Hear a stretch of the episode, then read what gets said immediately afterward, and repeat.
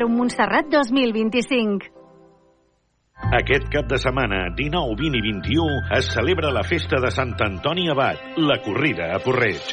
Amb moltes activitats per a tots els gustos. La corrida infantil, la cuina del port, amb food trucks, ball jove de la corrida, 18è raid social, la corrida en família, burro mecànic, passejades amb ponis i amb burros, demostració de tir i treball al bosc amb animals, tallers del món del cavall i moltes coses més que podreu informar-vos a la corrida.cat. Gaudeix d'un cap de setmana diferent amb la corrida a Porreig. Busques fer reformes a casa teva i no trobes gent de confiança? Doncs no busquis més. A Cuines Navarcles ho tenen tot. Fusters, paletes, llauners, electricistes, finestres d'alumini i el més important, són gent de confiança. Cuines Navarcles fan que casa teva sigui el lloc on t'hi sentis més a gust. Demana'm més informació a l'Avinguda de les Bases 49 de Manresa o al telèfon 93 877 2803 93 877 2803 Cuines Navarcles. Tot amb una sola mà. A prop, les coses que m'importen són a prop. A prop de casa meva i del meu món. A prop del meu carrer, de la meva gent. A prop de la vida que m'envolta a prop. De la nostra forma de veure el món. De la nostra manera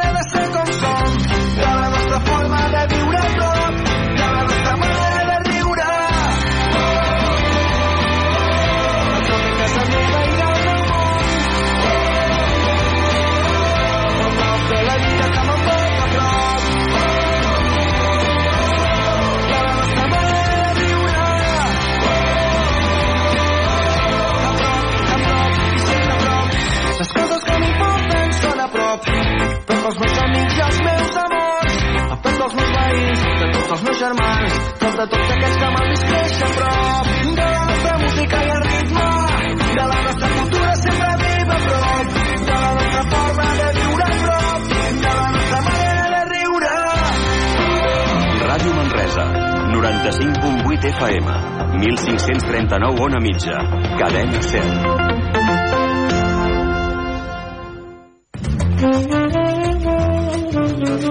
Barra Lliure, amb Pilar Gonyi.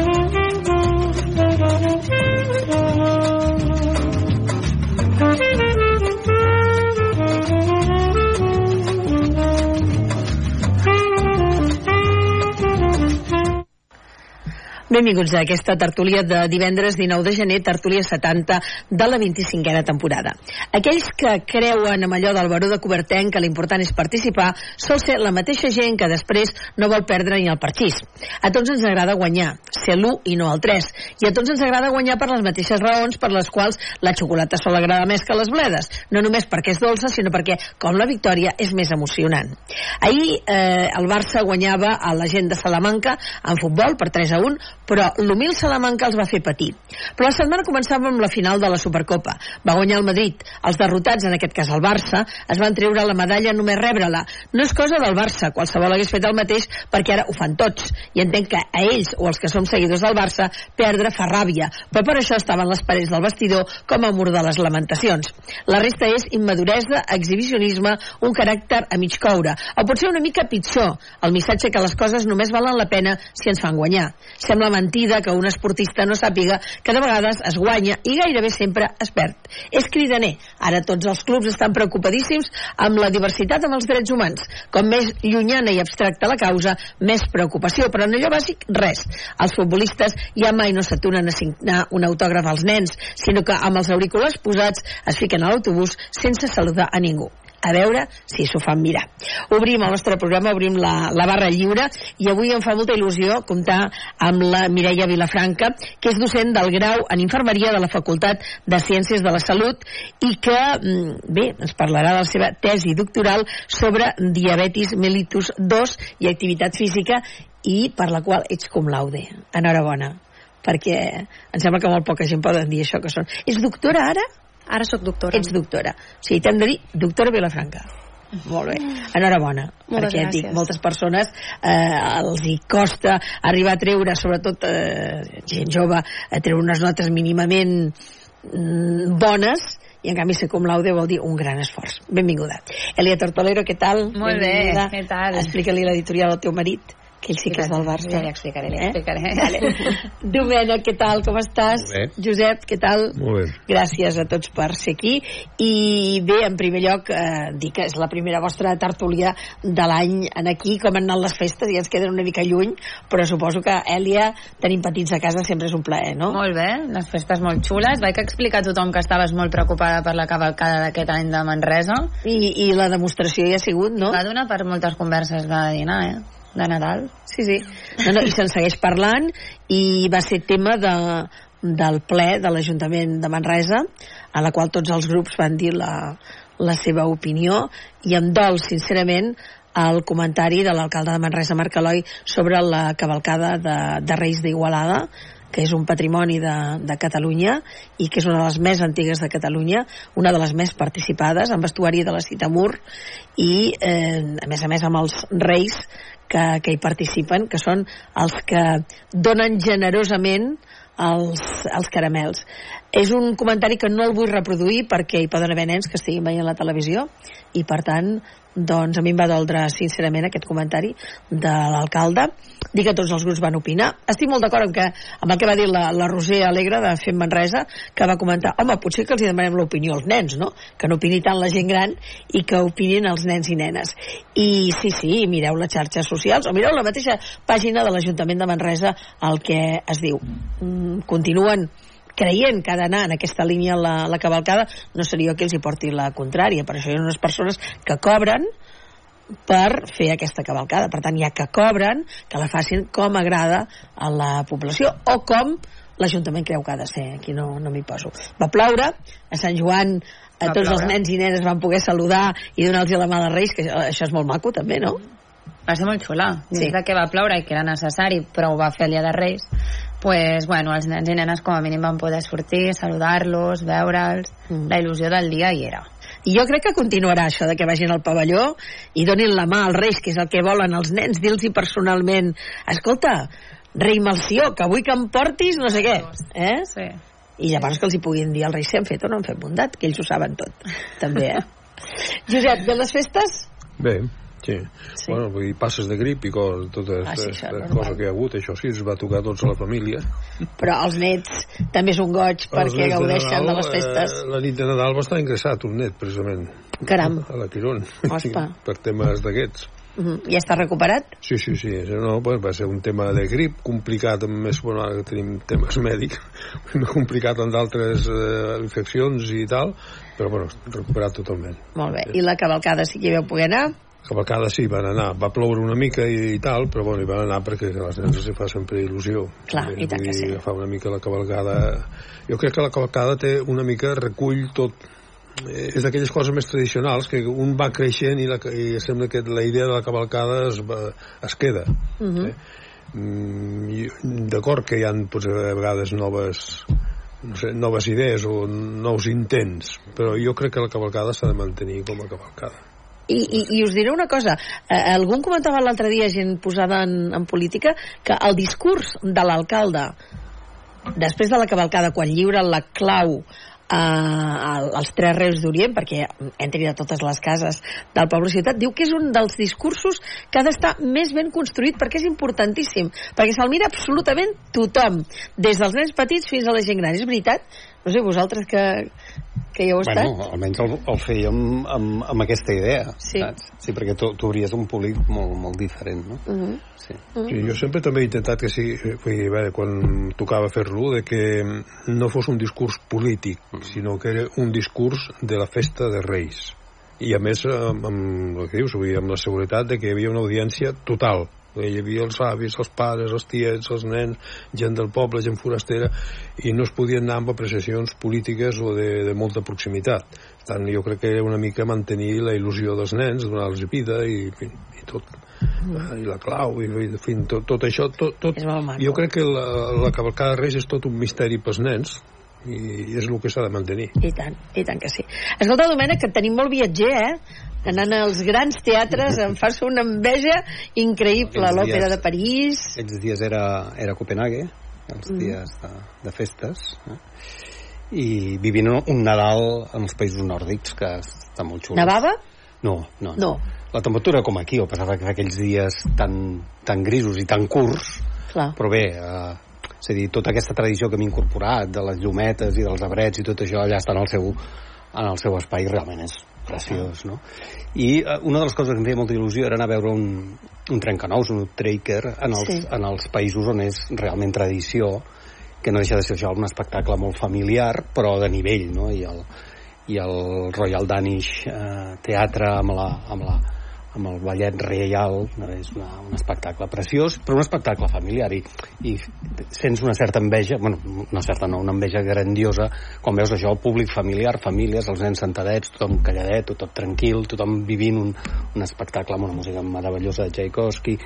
Vull dir que vivint aquests, aquest nord que, que ve de gust. I, i és que ara el- l'òpera a, a Dinamarca... Uh, T'ho comento perquè el Trencanous era un espectacle tan familiar anys enrere, en, ple, en plena època forta comunista, als anys 70, Sí, sí. A, a Rússia, que a Moscú la, les mares anaven amb els nens, com que era l'entrada gratuïta, a més a més, anaven amb els nens i feien allà el A berenar, eh, em- a veient mi el m'havia Trencanous. fet, volia anar-hi, em fa il·lusió i espero anar-hi algun dia al Marinsky, no? a Sant Petersburg, el passa que la situació geopolítica no t'ho deixa No, gaire, no? no. Però també totes les repúbliques bàltiques, conec un noi que està ballant a, a, a, a, a, a Tallinn, a, en el ballet principal, i ells omplen, fan, a més a més fan, actuacions, fan actuacions dia sí dia, no? I, i omplen sempre, vull dir que hi ha Sí, una sí. cultura hi ha, hi ha els preus, els preus són més econòmics bueno, Dinamarca és més car, però tampoc no era cap bestiesa, no? Uh, però hi ha molta cultura de- d'això, també són països on les coses de dintre, és a dir, l'exterior no poden fer tanta cosa, tot a mi que em sorprèn la gent al carrer, per això tenen el vi calent i aquestes coses, que, Clar. però les gentades que hi havia pel carrer amb, amb aquell fred que, a les 4, bueno, a les 3 ja era de nit, no? Però bé, jo és una experiència que la recomano, eh? I Copenhague està realment bonic. Mm. I amb vols directes, des d'aquí. Home, ara que tenim la sèrie encara que fan a, a TV3, que jo ja l'he vista de la primera ministra danesa, és un bon Sí, moment sí. per, per reconèixer aquest, eh, aquest país, un país molt petit. És, Sí, més petit que nosaltres. Exacte, En, exacte. en habitants i no, i en, en territori. Sí, sí. no, jo pensava que hi havies anat aquests dies, ara que hi ha hagut el canvi de, de no, la no, reina no, al va, va, va ser això, eh, la, la, la idea de veure un trencanous. Mira. Mm, molt bé. I escolta, com ho fas per les entrades? Tot per internet? i... Sí, no hi ha problema. Sí, sí. Tampoc. Vull dir, no, no, no. Sí, ara, ara, al, ara al febrer vaig a veure una tosca a Sofia, l'òpera de Sofia, que també em fa una miqueta de, de gràcia, perquè si no, no aniria mai, no se'm passaria mai pel cap anar a veure una òpera a aquests llocs i és ben bé també veure-ho sobretot aquests països excomunistes que hi ha una tradició molt gran eh, fan Wagners per nens vull dir que és una cosa A casa vostè no deu tenir aquell glamour que pot tenir, per exemple, a l'Òpera de París. però allò és massa, Ah, allò ja. allò és Sí? massa sí. No et va agradar l'Òpera de París? No, perquè eh, eh, jo que he estat a Bayreuth, i que aquest any torno a Bayreuth, és- són el blanc i el negre. Són, Sí. sí. és dir, L'òpera de París és tot... tot La grandeur, Tot, home, grandeur clar. i façana. Sí. I, la, i, la, la, I la cultura, el, el teatre està segon terme. I, per exemple, a Bayreuth és tot el contrari. No? És a dir, la, la bellesa està... En l'interior, com deia la, la vella i la bèstia. Molt bé. Doncs escolteu, moltes gràcies per ser avui a la tertúlia. I anem a parlar de- d'aquest tema, de la diabetis mellitus eh, 2 i l'activitat física, que han estat el motiu de, de la tesi. A veure, explica'ns, eh, eh, doctora, Eh? Com, com va tot això per, per, per, ser un, per ser cum laude o per arribar a ser cum laude? Eh, què has de presentar, què has d'estudiar? Com funciona tot això? Bé, el primer de tot eh, és eh, poder entrar en un programa de doctorat. Quasi ja totes les universitats tenen diferents línies d'investigació i, i quan estàs ja dins del programa de doctorat tu comences eh, el, el teu projecte i el dus a terme. Uh, això de ser cum laude al final és, una, és la nota final no? uh, tu quan un cop ja has presentat i has defensat la tesi uh, t'avaluen una, una comissió i et posen una nota i l'excel·lent cum laude seria la nota més alta no? de, que pots arribar a obtenir en un doctorat I, i tu vas pensar de seguida en, en fer-ho sobre la diabetis? Uh, sí, realment ja quan vaig començar a estudiar la carrera d'infermeria uh, jo no tenia gaires coneixements de la diabetis, és la malaltia aquella del sucre, no? Sí, molt desconeguda. I que, que és tan habitual, no? I la incidència és tan alta, però tampoc en tenia molts coneixements i ja de seguida em va cridar molt l'atenció el fet que una malaltia eh, que està tan lligada als estils de vida, a l'activitat física, a una dieta saludable, eh, doncs tingués encara eh, persones que la pateixen amb una adherència tan baixa tant a la dieta com a l'activitat física.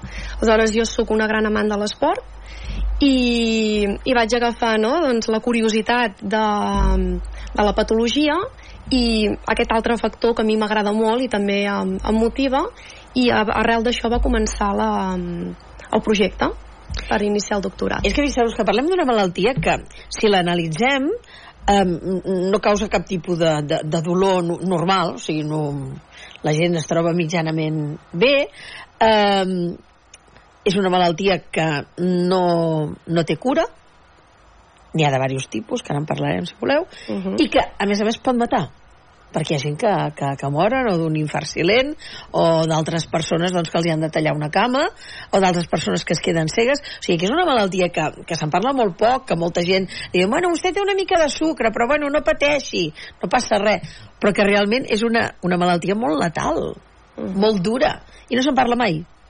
Em sembla que tampoc no li han fet cap marató tampoc. De TV3 que fan maratons de tot.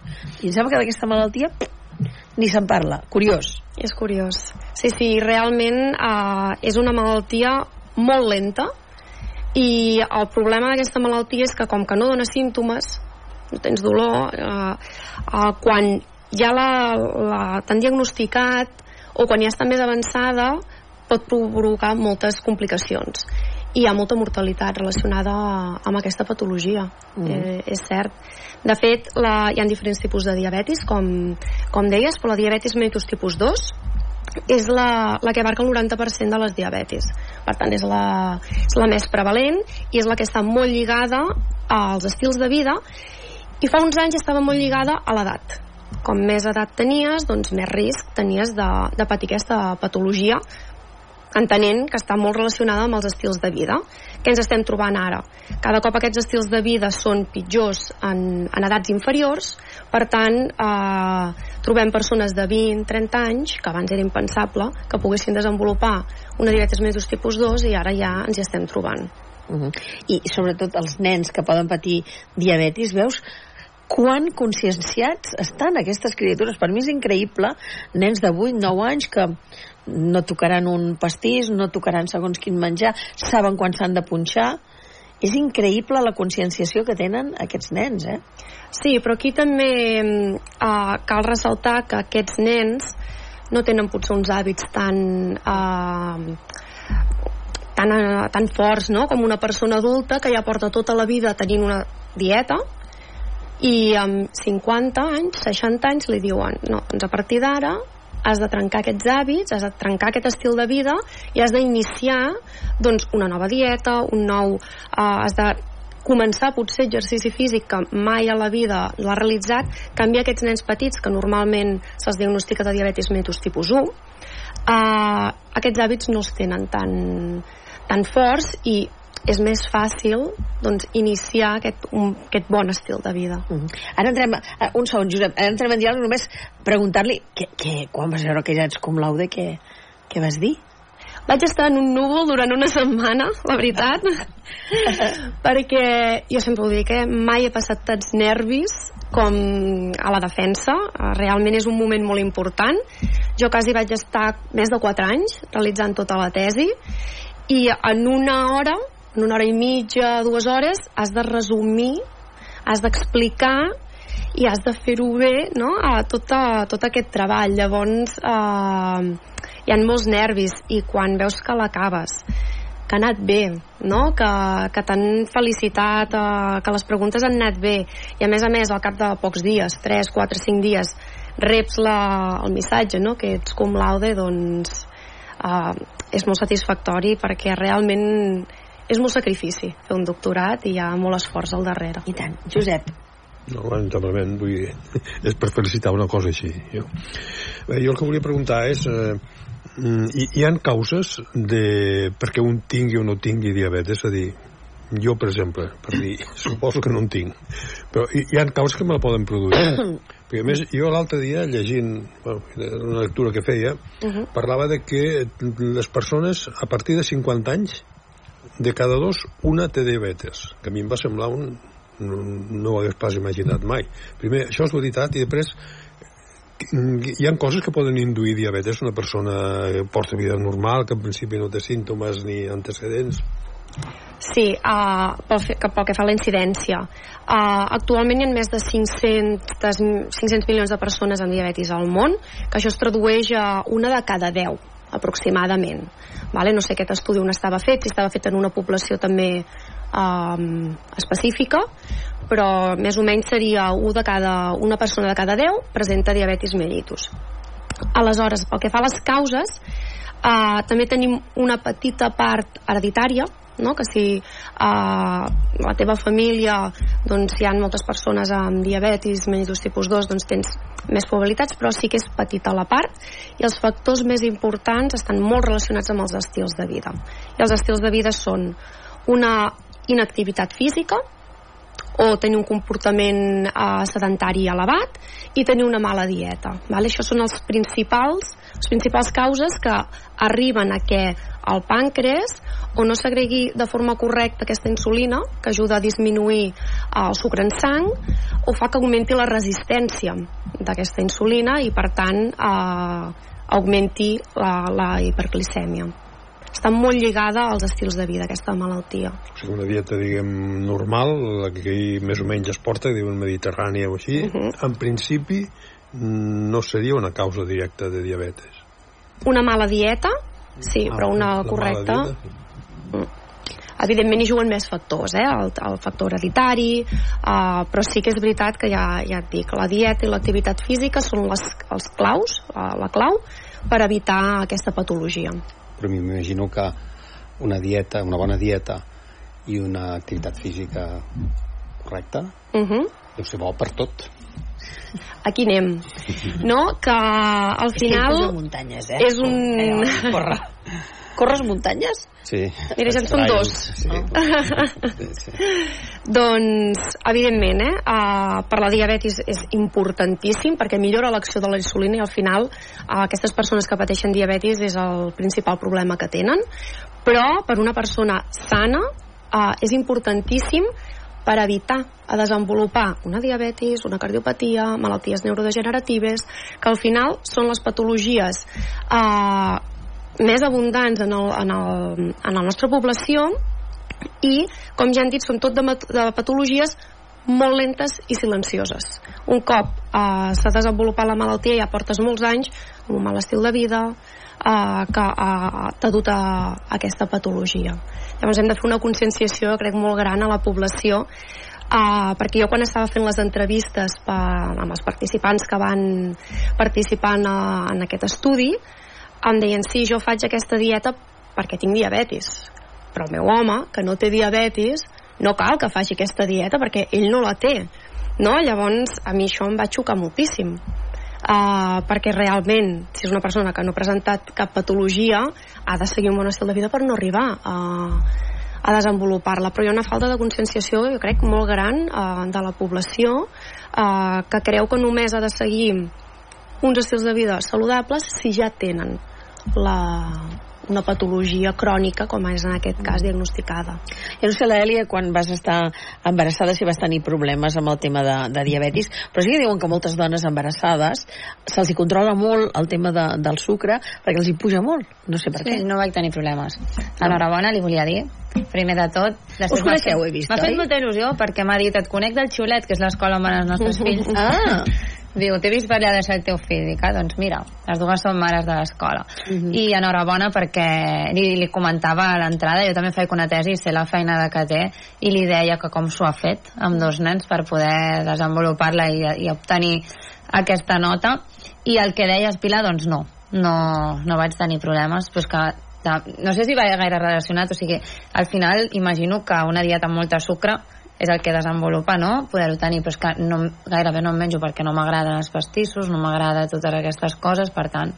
no vaig tenir problemes amb l'embaràs. La diabetis gestacional És tipus. és una mica uh, a part, és un altre tipus i està molt relacionada amb les hormones que, que el propi cos segrega mentre estàs embarassada. Llavors aquí pot ser que hi hagi una persona que mengi molt saludable, que faci activitat física i desenvolupi la diabetis gestacional, però és degut a aquestes hormones que el propi cos genera, no? Llavors, normalment, eh, si es diagnostica una diabetis gestacional, es tracta durant l'embaràs, però després, si, si l'estil de vida és correcte, doncs eh, no acabarà desenvolupant una diabetis tipus 2. Si eh, l'estil de vida eh, d'aquesta persona, d'aquesta dona que ha tingut diabetis gestacional no és bona, pot ser, té més probabilitats de desenvolupar una diabetis mellitus tipus 2, però normalment la gestacional està molt relacionada amb, amb fet hormonal.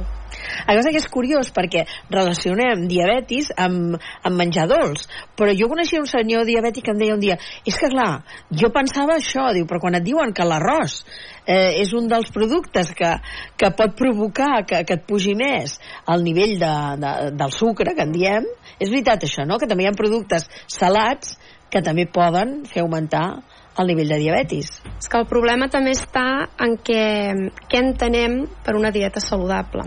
No? Ah, Quan anem a, a indagar i a preguntar més a fons, moltes persones no, no saben què és realment una dieta saludable.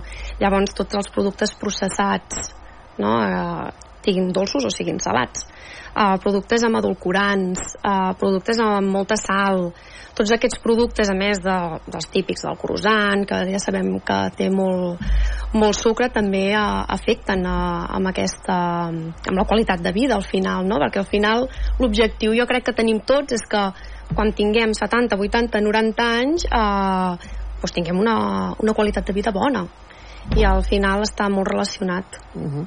eh, apuntava una cosa molt interessant la, la que això és la, la condició també moltes vegades de, de les dones, que és un afegit eh, ser mare, tenir dues criatures eh, d'on has tret les hores com, com tu has fet?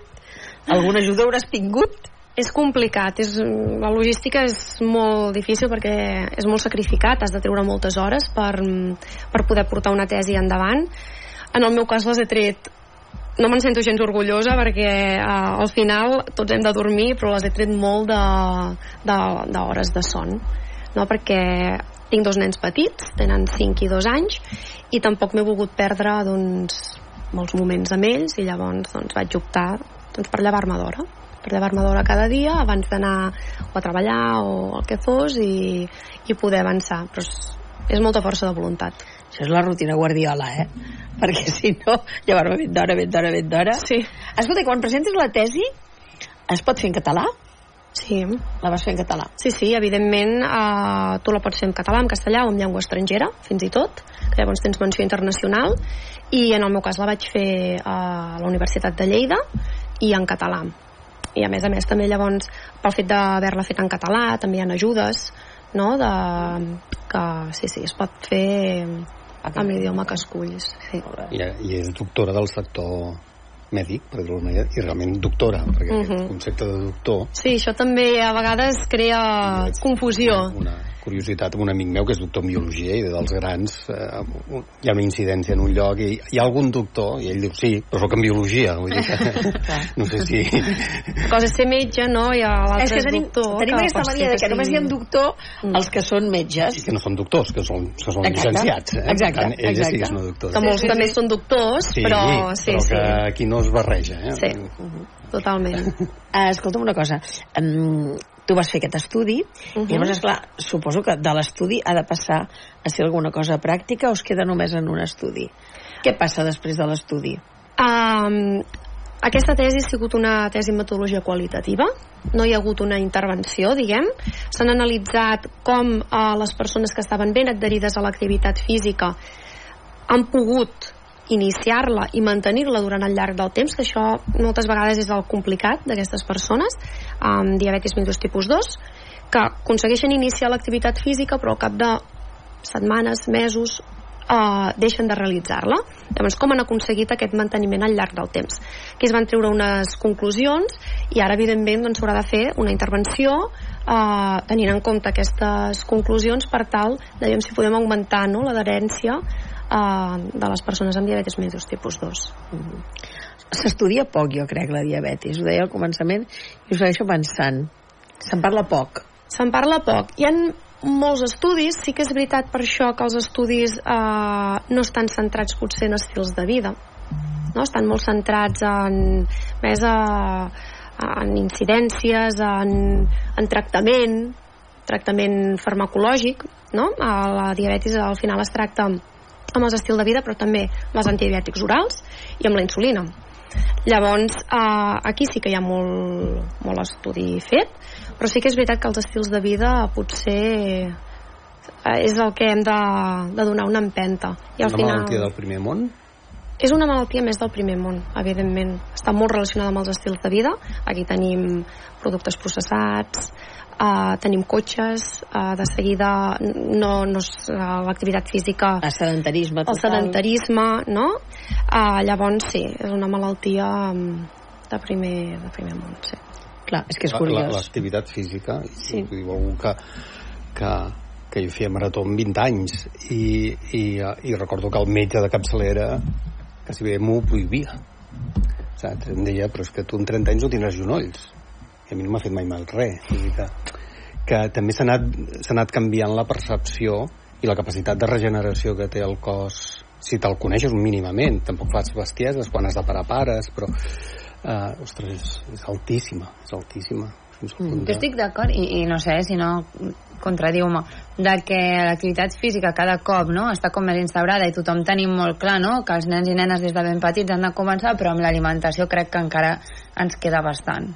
Però Mm. probablement l'activitat jo, jo els moments que menjo pitjor són els moments que no faig activitat és a dir, que una cosa també t'ajuda a portar l'altra Sí, totalment. Saps? Però vull dir quan, cuides, són, vull dir quan tot. són petits, eh? O sigui, tots tenim sí, a la ment de que tots des de ben petits han de començar a fer esport, no? I està com... No? És una cosa que tots ho veiem, els nostres fills han de fer esport. En canvi, que mengin bé, no? Encara queda com un clic. Eh, És que- jo no sé si l'has trobat, però a mi molts cops em diuen que sóc una rància i sóc de tot perquè no deixo que mengi galetes o un croissant o un pastís, no? I era l'aniversari de la seva iaia, doncs quan vam posar el pastís jo vaig dir, no, això és de grans, i ell va estar jugant i és com, ets una rància, no sé, encara queda com aquest clic, no? Jo no n'era n'era conscient, Jo però no no tant. n'era tan conscient com quan Has ara he sigut mare. mare, Sí. i he vist doncs, molts berenars i molts Mm. esmorzars de nens d'un any no? que llavors l'OMS et recomana que fins als dos anys un nen no hauria de provar aquest sucre lliure Mm. i, i, i veus nens doncs, a, a la llar d'infants no? que no tenen els dos anys i cada dia Mm. al final eh, les excepcions no, no afecten eh, al, teu, al teu dia a dia per tant si, si tu tens una alimentació al cap de setmana no? vas a fer una celebració i menges el, el que hi ha sense mirar tu pots estar ben segur que això no afectarà el teu dia a dia el problema és quan és dia rere dia i cada dia per berenar doncs aquests nens estan menjant aliments insans que no haurien de menjar, no haurien ni de provar per l'edat que tenen Jo, jo crec que és bastant l'estil de vida que imposem als grans perquè ens fa il·lusió de que el nen tingui il·lusió en menjar aquell xutxe, en menjar Sí, sí, allò. ho veus dels grans. però els grans és que eh, és el sant del nen. Pues què fan? Regalar xutxes a tots. Mm. I, el nen, i els pares contents i el nen content i tothom content. Hi ha un pastís, el nen menja i escolta, encara que potser fins als dos anys no hauria de menjar però si a un any en menja inclús els pares senten orgullosos de que el nen ja mengi allò A veure, a veure, Josep, quin, quin és el regal estrella dels nens cada any? La mona de Pasqua. va, Tots els padrins regalen des de que tenen ús de raó la mona de Pasqua, que és un pastís. no. Pots fer una mona de Pasqua saludable? També, també. per això que podria haver mones i mones però és que sempre és l'altre els xutxes, els nens, tots sabem Sí. de que si vols Bueno, tindre content a un nen li dones això dèiem allò del primer món venim d'unes tradicions on la caloria aquesta era, no, no, era, no era assequible i ara és un accés i tenia un cert sentit això, com les celebracions dels menjars, però és que ara hem fet tot, és a dir, celebrem els menjars però no fem l'activitat física i no passem al fred i no sé què, no sé quantos. I les celebracions són quasi cada dia, no? Sí. Amb això podem suposar que les persones vegetarianes o veganes eh, tenen mm, menys probabilitats de patir diabetis? No. No rotund. Uh, perquè tu segueixis una dieta vegana o vegetariana no vol dir que sigui més sana que una persona que, que menja carn, peix i, i ou. Uh, aquí hauríem d'anar a analitzar qualitativament no? què està menjant, perquè a vegades uh, la proteïna vegetal la substitueixen molt amb productes ultraprocessats amb aquestes no, hamburgueses eh, que tenen aliments també molt insans i tenen molts sucres també llavors no vol dir res pot, tu pots seguir una dieta menjant proteïna animal o menjant proteïna vegetal i de les dues uh, maneres pots seguir una dieta molt saludable o una dieta molt poc saludable mm. eh, és curiós perquè m'explicaven després entrarem al tema del menjar dels nens però m'explicaven eh, gent que, que, que, que, que fan que, que estan a les tocineries i que fan ells el, el tocino a, a casa seva que han hagut de baixar la fortor dels productes o sigui, el, el, els que fan llangonisses eh, els que fan sobrassades o aquests productes doncs, que els fan eh, a casa seva fa 30 anys eren molt més forts.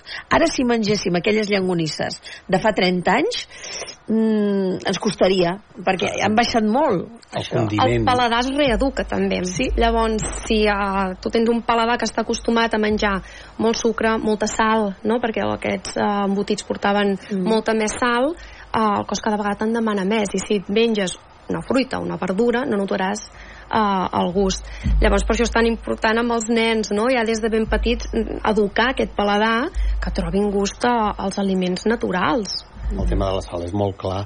Jo a casa meva que ells venen de pagès i, i per tant la, el peix que menjaven era o el bacallà o les arengades aquelles Salades. i jo les recordava menjant a casa allò, jo no menjava però les recordava i un dia em va donar per comprar-ne allò per, ostres, per recordar sí. la madalena de prous volies fer allò, i allò menges i escups perquè allò no t'ho pots menjar és sal pura, vull dir que és una cosa... Sí, sí.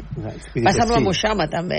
Ah, tots aquests... I la, els condiments, abans els condiments feien la funció que, que eren de conservació i, de, i, de, i ara és una funció purament gustativa i per tant és lògic que es vagin, es vagin abandonant, no? Mm. I amb el tema dels vegans i els, i els vegetarians, eh, allò que deia, no? Si fas una activitat física, tendeixes, sense voler, eh, vas deixant una miqueta. I jo, tota, jo l'única lesió que he tingut una miqueta llarga va ser per un dèficit de proteïna animal i llavors em vaig tenir de fumar xutes de... és a dir, que a vegades si fas una activitat física una miqueta alta és, molt, és pràcticament impossible suplir-la a nivell, ja no estic parlant de nivell ètic, eh? a nivell de, de, eh, de san, sanitari, no? És a dir, no, no pots suplir o has, necessites És possible, animal. però hauràs de tenir hauràs d'incrementar suplements a la teva dieta i l'hauràs de portar molt ben feta, si no sí que és impossible. Sí, I al final acabes això, eh? de tant en tant, passa que el tu, tu cos ja t'ho diu, eh? De tant en tant una necessitat de proteïna, però de proteïna d'aquesta... Sí, sí, cèrvol millor que... Saps? És a dir, de proteïna potent. Eh? De, de, un segon, Josep. De, de fet, això que comentes, quan era conseller el doctor Simón, de, de Sanitat, eh, una de les persones que, que, que estaven al seu departament era vegà. I, i jo li deia, què et diu el doctor Gimón? Em diu, em diu, o prens suplements o no tens els nutrients que necessites. Per tant, el que deies tu. Josep. No, jo això que deies en quan doncs, parlaves de proteïna animal i tal, que abans les carns eren com més fortes, jo crec que també és gran part degut a, a l'origen, és a dir, com d'on procedeix, procedeix actualment la carn? És a dir, com es crien per exemple, els porcs, eh, les aus, etc. Eh, clar, abans un porc, pues, per matar-lo, havia de tenir com a mínim un any. Ara, els sis mesos, cinc, sis mesos, i, i, i es, pesa més i és més gras que abans.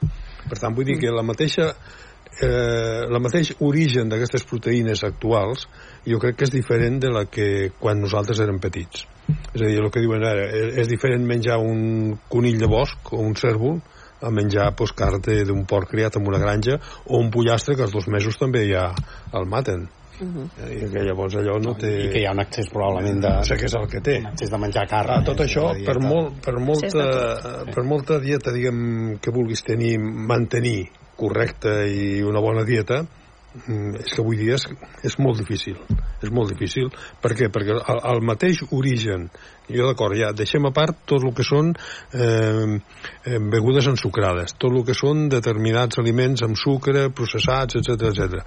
però és que la carn normal, si vas a comprar carn aquella carn està feta mm, no ha seguit un procés natural.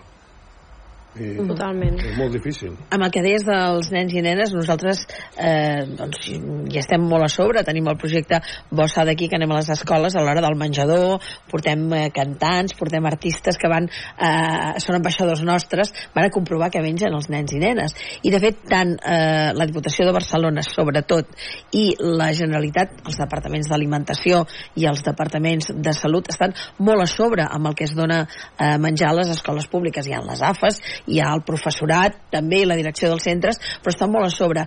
I s'ha contrastat el que et donen de menjar a les escoles on hi ha eh, una, un catering o sigui, pot haver-hi la, la, la cuina pròpia, però pot haver-hi catering. Els caterings eh, de multinacionals, el menjar que donen, eh, comparat amb el que donen els petits càterings, la qualitat que donen els petits càterings i les cuines pròpies amb productes de proximitat, productes quilòmetre zero, menjar que els nens s'acostumin a, a menjar peix a menjar carn, no que després vagin al restaurant amb els pares i el menú infantil i saben què és?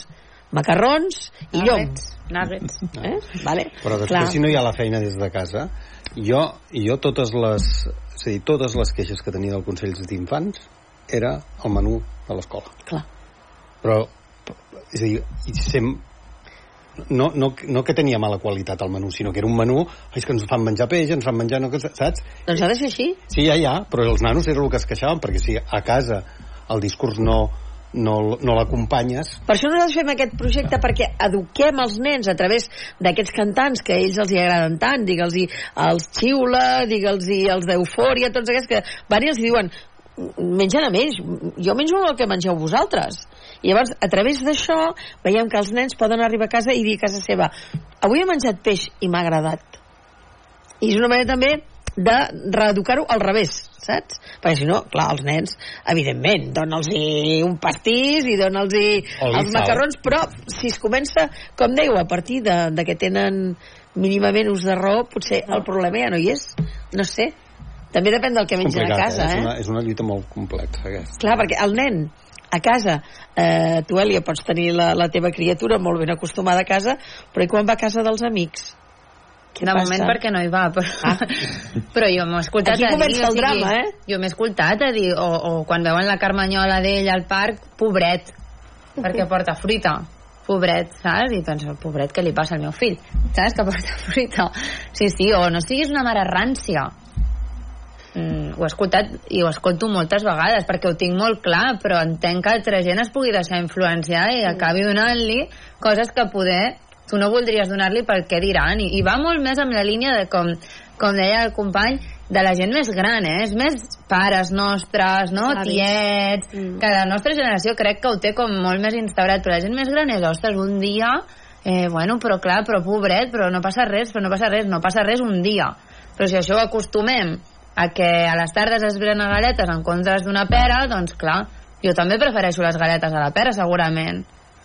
O la frase, no?, de sempre s'ha fet així, Sí, sempre no hem menjat res. així i no ha passat res, i les malalties cròniques estan uh, augmentant moltíssim, i de fet, pel 2035 uh, uh, ha d'augmentar moltíssim totes les patologies cròniques. Llavors, no tota la vida s'ha fet, perquè no tota la vida hi ha hagut indústries que fabriquessin madalenes i croissants, això per començar, i després que estem en un punt que quan mirem cap al futur veiem que no s'estan fent les coses bé perquè la tendència és cada vegada a que hi hagi més patologies cròniques relacionades amb els estils de vida. Mm. Llavors, sí que, que, que hi ha aquest tema això des de, de les madalenes i d'aquests productes, però és que n'hi ha molts d'altres que ja venen prefabricats que aquests són els que moltes mares que no tenen, no tenen temps de, de, de tallar la fruita o el que sigui, diuen no tinc temps, però jo crec que Això no s'està al mateix temps, no? Això no és temps. No?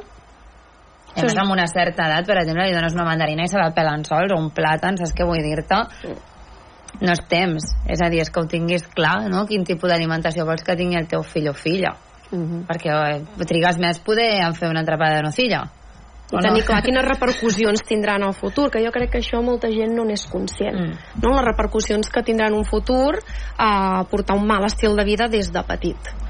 I això que dius de tota la vida, a veure, eh, quan jo era petita potser ja no s'estilava tant, però la generació anterior a la meva, el pa i sucre, això bé s'ha tret de l'alimentació dels nens i nenes.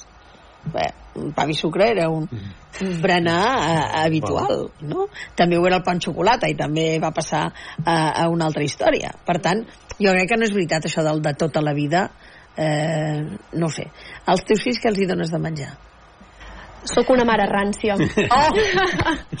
Tenim dues mares ràncies aquí.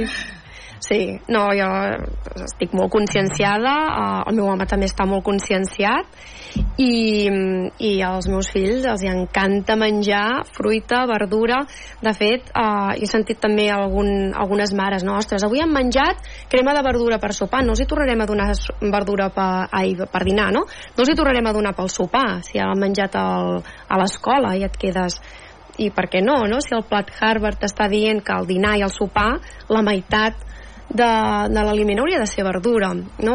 falta aquesta conscienciació. Però mm, nosaltres ho tenim molt clar i els meus fills disfruten molt menjant saludable. Però és molt difícil quan ja són una miqueta més grans i van al parc. Mm, no crec. Ai, ja li dono un croissant o eh, és complicat eh, gestionar-ho. No per, per casa nostra perquè nosaltres tots estem molt conscienciats i la família però cap a l'exterior és molt complicat. I això de pobreta només li donaràs Uh, la nostra cultura en les verdures uh, és a dir, la, la vinculem com un menjar avorrit, avorrit uh, un menjar de malalt, un menjar d'hospital sí. i probablement ens falta que altres cultures, dir, perquè condimenten més obtenen més joc amb altres coses les verdures són més, més alegres saps? jo si els hi dono verdura bullida segurament em diran que me la mengi jo també eh? o sigui, hauríem d'intentar perquè la competència és, és guanyadora l'altra sí. de, de la part saludable fer-la una miqueta més atractiva. Correcte. Perquè és que si no la, és que Passa que per l'adult per l'adult és molt agraït eh, que al nen li donis el que li agrada. Si poses Ah, és una bossa de patates fregides el nen, perfecte. I, i amb això li dones una satisfacció amb ell i, i, i al mateix temps tu quedes tranquil. Jo estic d'acord, costa molt com a mare i, i eh, com, a, com a persona adulta a vegades que el nen mengi amb gust coses que són sanes en comptes de coses que són insanes, que no són sanes. I, i jo per mi és una mica una cosa similar a, a la famosa addicció que avui dia està tan de moda a, les tecnologies, al telèfon. mm -hmm. El nen el mateix, calla. el mateix. El telèfon i tota la tarda estic tranquil. sí. I, i això el pare i la mare i els adults ho fem pues, amb, amb, amb a sobre de dir, no, no, és que està aprenent coses noves, està aprenent tecnologia i tal, quan en el fons s'està creant una addicció perillosíssima, fins i tot mm, eh, per la vida intel·lectual del nen, pel futur intel·lectual del nen, per, vull dir que li queden tallades... Bueno, i en el desenvolupament del llenguatge s'està veient nens Sí. i nenes amb retards de desenvolupament del llenguatge per les pantalles que és molt més còmode que jo quan arribo cansadíssima si li posés la tele dues hores en comptes d'estar allà llegint contes, jugant, pintant, inventant mil activitats per passar la tarda d'hivern aquí, aquí el llibre és la verdura de... Quan va a dormir, per això que és molt agraït. Aquí la via eh? ràpida, la via ràpida porta conseqüències a, a llarg termini. però aquí igual, eh? vosaltres l'heu vist i no ha passat res tots hem vist la tele i no ha passat res. I també és fals, és a dir, anys enrere no hi havia aquest abast a la tele, igual que anys enrere no hi havia aquest abast a tants aliments processats, per molt que es digui que tota la vida s'ha fet així, no és cert. Home, nosaltres, jo em sembla que també se'ns ha creat amb una altra cosa, que si això per menjar es menja això i s'ha acabat. Ara que però no també m'agrada- per la necessitat, que- que hi ha siguem alterna- sincers, Sí, sí, és a dir, bueno, necessitat per- la necessitat de fa 50 anys enrere que no hi havia l'abast que hi ha ara a, l'alim- a tots els aliments, perquè si era una altra època, clar, ara obrim la nevera i tenim de tot, o podem anar al supermercat. Fa 50 anys, per temes econòmics, no es podia. Llavors, és que no és, real, no és una realitat quan es diu que sempre s'ha fet Però igual. Això, de- doncs, eh, cre- queda un agraïment a la persona gran de que se sent satisfeta de que el nen, el seu fill, ha pogut triar. I com que ha pogut triar, ha agafat el que més li ha agradat. I ho podem entendre, és a dir, quan No. nosaltres hem tingut avis o tiets que no han tingut eh, no, aquesta facilitat per accedir a certs aliments i que ara tu li puguis donar amb el teu net, es pot entendre no? de, de la satisfacció, de dir jo no vaig poder menjar un pastís a la meva època quan era un nen perquè no tenia aquest accés, ara li vull donar al meu net però per això nosaltres hem d'escoltar moltes vegades Per això és enganyós. sí, sí, sí, totalment Uh -huh. Escolta una cosa, uh, Mireia, el, el teu estudi eh, ara, doncs, com deies tu, doncs, s'analitzarà i creus que les conclusions eh, seran ràpides? Les, arribaran els pacients, per dir-ho d'alguna manera, o no? Bueno, les conclusions de l'estudi ja estan fetes, Sí, eh? però, eh, Ah, on passar però uh, fer una intervenció Exacte. perquè pugui augmentar l'adherència a l'activitat física. Sí, de fet ja estem ara s'engegarà un projecte, ja estem començant a treballar-hi uh, per tal que aquí a Manresa, perquè l'estudi ha sigut amb participants de les quatre àrees bàsiques que hi ha a Manresa, doncs puguin eh, tenir a l'abast d'aquesta intervenció per tal d'augmentar l'activitat física, perquè segueix sent un problema. L'activitat física, com bé deia Zèlia, amb els nens sí que som com molt conscients que han de fer activitat física, però també és cert que arriben a l'adolescència o, o una certa edat que ja no és important no? aquesta activitat física i molts abandonen aquesta activitat que de petits quasi tots van a algun extraescolar eh, per, per realitzar activitat física. Llavors eh, el- la intenció és crear una intervenció per tal d'augmentar l'adherència en aquest cas eh, en patologia crònica sobretot molt centrada a l'activitat física perquè les persones amb patologia crònica potser són més conscients de la dieta que han de seguir però pel fer l'activitat física realment encara hi ha, mm, hi ha una adherència molt molt baixa i el més preocupant és que no creuen que sigui important per prevenir aquesta mala, aquestes malalties cròniques. No. sí que la identifiquen com a alguna cosa important com a un, un, un tractament molt important quan ja tenen la patologia però no per prevenir-la. Llavors aquí eh, hi ha molta feina a fer moltíssima feina de conscienciació. Uh -huh. I tu dones classes eh, a Manresa, sí, a la FUP. Sí, sóc infermera també assistencial del TAIA i dono uh, classes com a infermera a, la FUP. Jo segueixo pensant que 24 hores a tu no et donen, eh? Que en necessites més, eh? No, o sigui, no, no faig evidentment 40 hores, eh? Uh, però, però sí, sí. Uh -huh. Aporto el meu granet una mica... Mm. I als hospitals la gent fa bondat o els hi porten encara menjar de, de fora i així no fan les dietes? Com Bé, el tema això? dels hospitals és un món a part, eh, també. Ja, ja, ja. És un món a part perquè, sí, hi ha molts familiars que entren menjars que no haurien de- d'entrar, de, no?, pels Sal, familiars. per exemple, el gran drama de la sal. i, i també la dieta dels hospitals doncs, bueno uh, clar, tot, tot evidentment també seguir una dieta saludable són diners no? perquè si, si vols menjar molt producte fresc al final és molt més car llavors també uh, als hospitals a vegades quan veus que per berenar hi ha iogurts amb gustos dius, com pot ser que hi hagi un iogurt amb sabor en un hospital?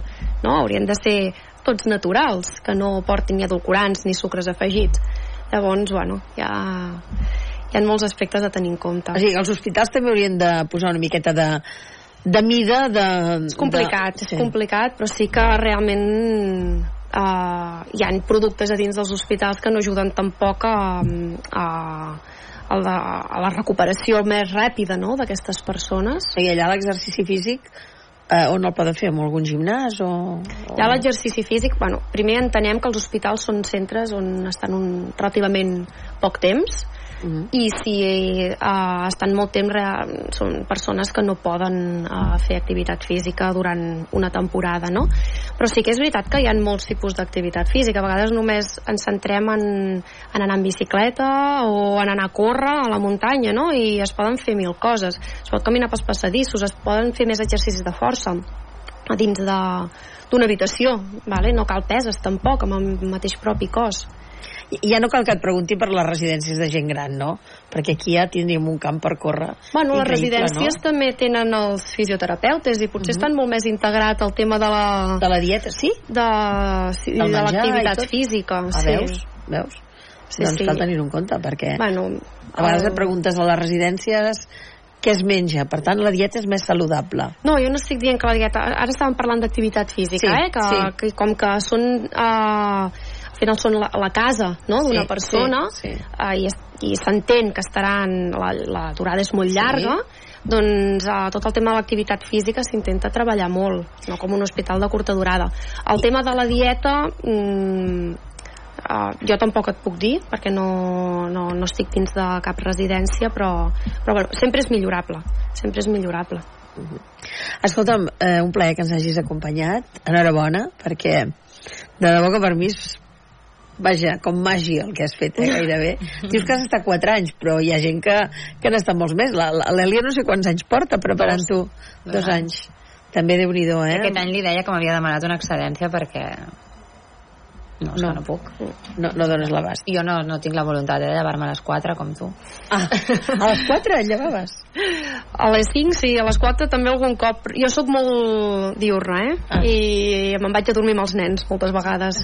A les 9 estic dormint, vull dir que llavors al final, però sí, sí. Uh, Enhorabona, gràcies per ser avui aquí, gràcies Èlia, gràcies Domènec, eh, no sé si ens veurem abans, eh, sí? No?